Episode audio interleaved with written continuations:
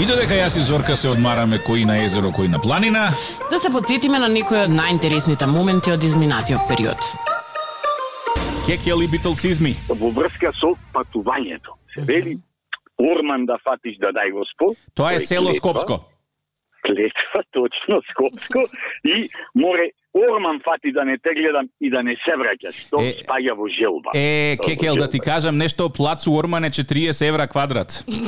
Па ти Тоа- пофаќа, тоа- Орман. Па ти фаќа и Орман ако имаш пари. Инак Орман на турски значи многу густа шума. Именка од женски. После следи Витвиделија. Како? Е многу Витвиделија. Витвиделија. Не- со Д, ние со Т го велиме Витвиделија. Бар јас така знам, тоа значи тој многу, ама пренајмногу далеко. Витвиделија, што се вели. Вели да жал. да да да оиш што велиме да оиш Витвиделија да фатиш и да те нема едно 10 години, разбра? И Пајтон ќе ти викнам ако треба, само замени. Тоа- Каде? Каде? Тоа е вид виделија, да кажеме вид виделија е од битола да пратиш некој во прилеп, бидејќи е рамно до, до, до прилеп. Пошто тоа А. вид виделија до кај ти фаќа видот. Аме, јас знам, добро, кај нас се потребува, дока што, например, кај е Еленичето, ма, на дето прашува комши. Еленичето ми виделија, ојде Австралија, кај Керка и во Сидни ојде. Тоа е виделија. Виделија, многу далеко било, не било прилеп. И, именка од женски род, иначе со Д, вид виделија. Вид И виделија. уџум, уџум исто во врска со патување, се вели кај бе цане, а, вика осте уџум фати лериноиде. Или уџум лериноиде, како кој ќе оиш Орман што се вика да фатиш, ама со јуриш на трчина, со уџум, со на брзина доиш, демек со јуриш, со со трчање доиш. Е сега зашто иде цане уџум во Лерин имало попуст по дуќаниве, се ќе отворат и така и Ова како за мене да раскажувате, зашто отишла Зорка во Сити Малуџум? Е, па ми имала попуст. Види, Кекел, јас е, тука во старт ќе ти го спорам потеклото на уџум дека е Ајде.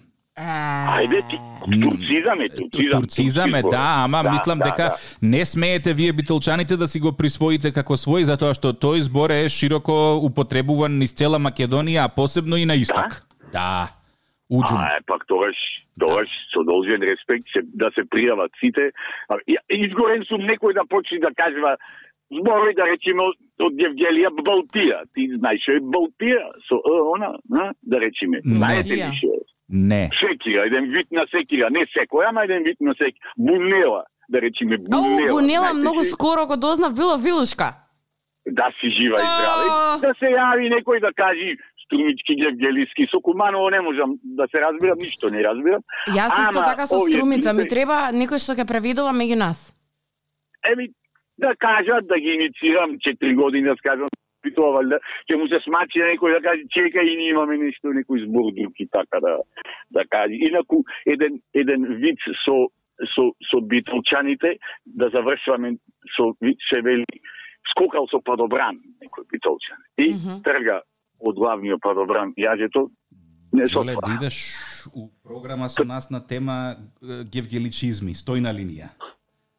А, има гевгеличизми? Имаме гевгели... Еј, ми исклучи пријателов од Гевгелија, што го барав за, за да гевгеличизми и вика, бегај бе, каква програма? Јас да завршам, Имам јас човек да од завршам, Гевгелија, Кекел. Ајде, ајде после. Трга второто јаже за помошниот подобран, не се отвори, паја на земја. Бам! И должана е го. Станува се треси вака со прашина, се сам не го стреши, мој вика. Иден ќе си извајме очите со ова падобраните. вика. Како ќе си... Ке го утри во окове. Толку. Преако. Чекај, имам нешто да те прашам. Зорка пред некој ден ми извади еден збор прилепцизам. Како беше тој? Ау, сега ќе ми текна. Тоа беше предмет на широка дискусија. Ја не знам. М, Не знам го.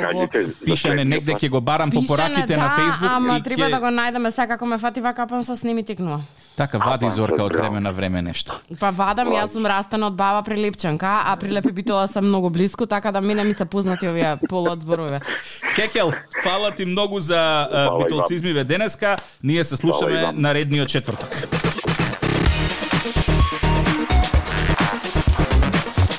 Милош прати слики од обиколница, Скопје исток нешто гори од десна страна. Се надевам дека пожарникарите ќе интервенираат. Вели секој втор трет ден на истово место нешто си палат. Мој совет Милош пријави во пожарна, обично брзо реагираат, а по службена должност испраќаат и соодветни инспектори. Стаса еден роден ден и вртиме на Ленче. Ленче. Дури во Берова. Сериозно, Да. на некој во Берово, е? Па тој никој треба да не прече како ќе доеме. Како спава, треба да е на работа 8.40. Ако, освен ако не работи од дома.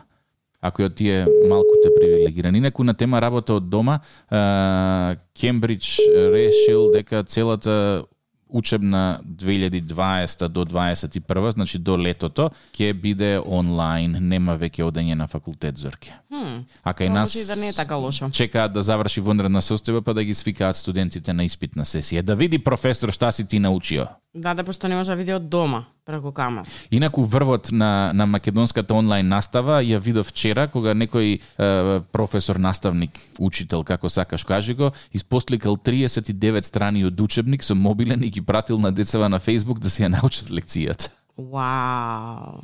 Е, 8.44. Во меѓувреме сакам само да ти кажам дека по не знам кој пат и оваа година, од Ако Weather вела дека Европа годинава ќе има ретко топло лето со температури над 40 степени.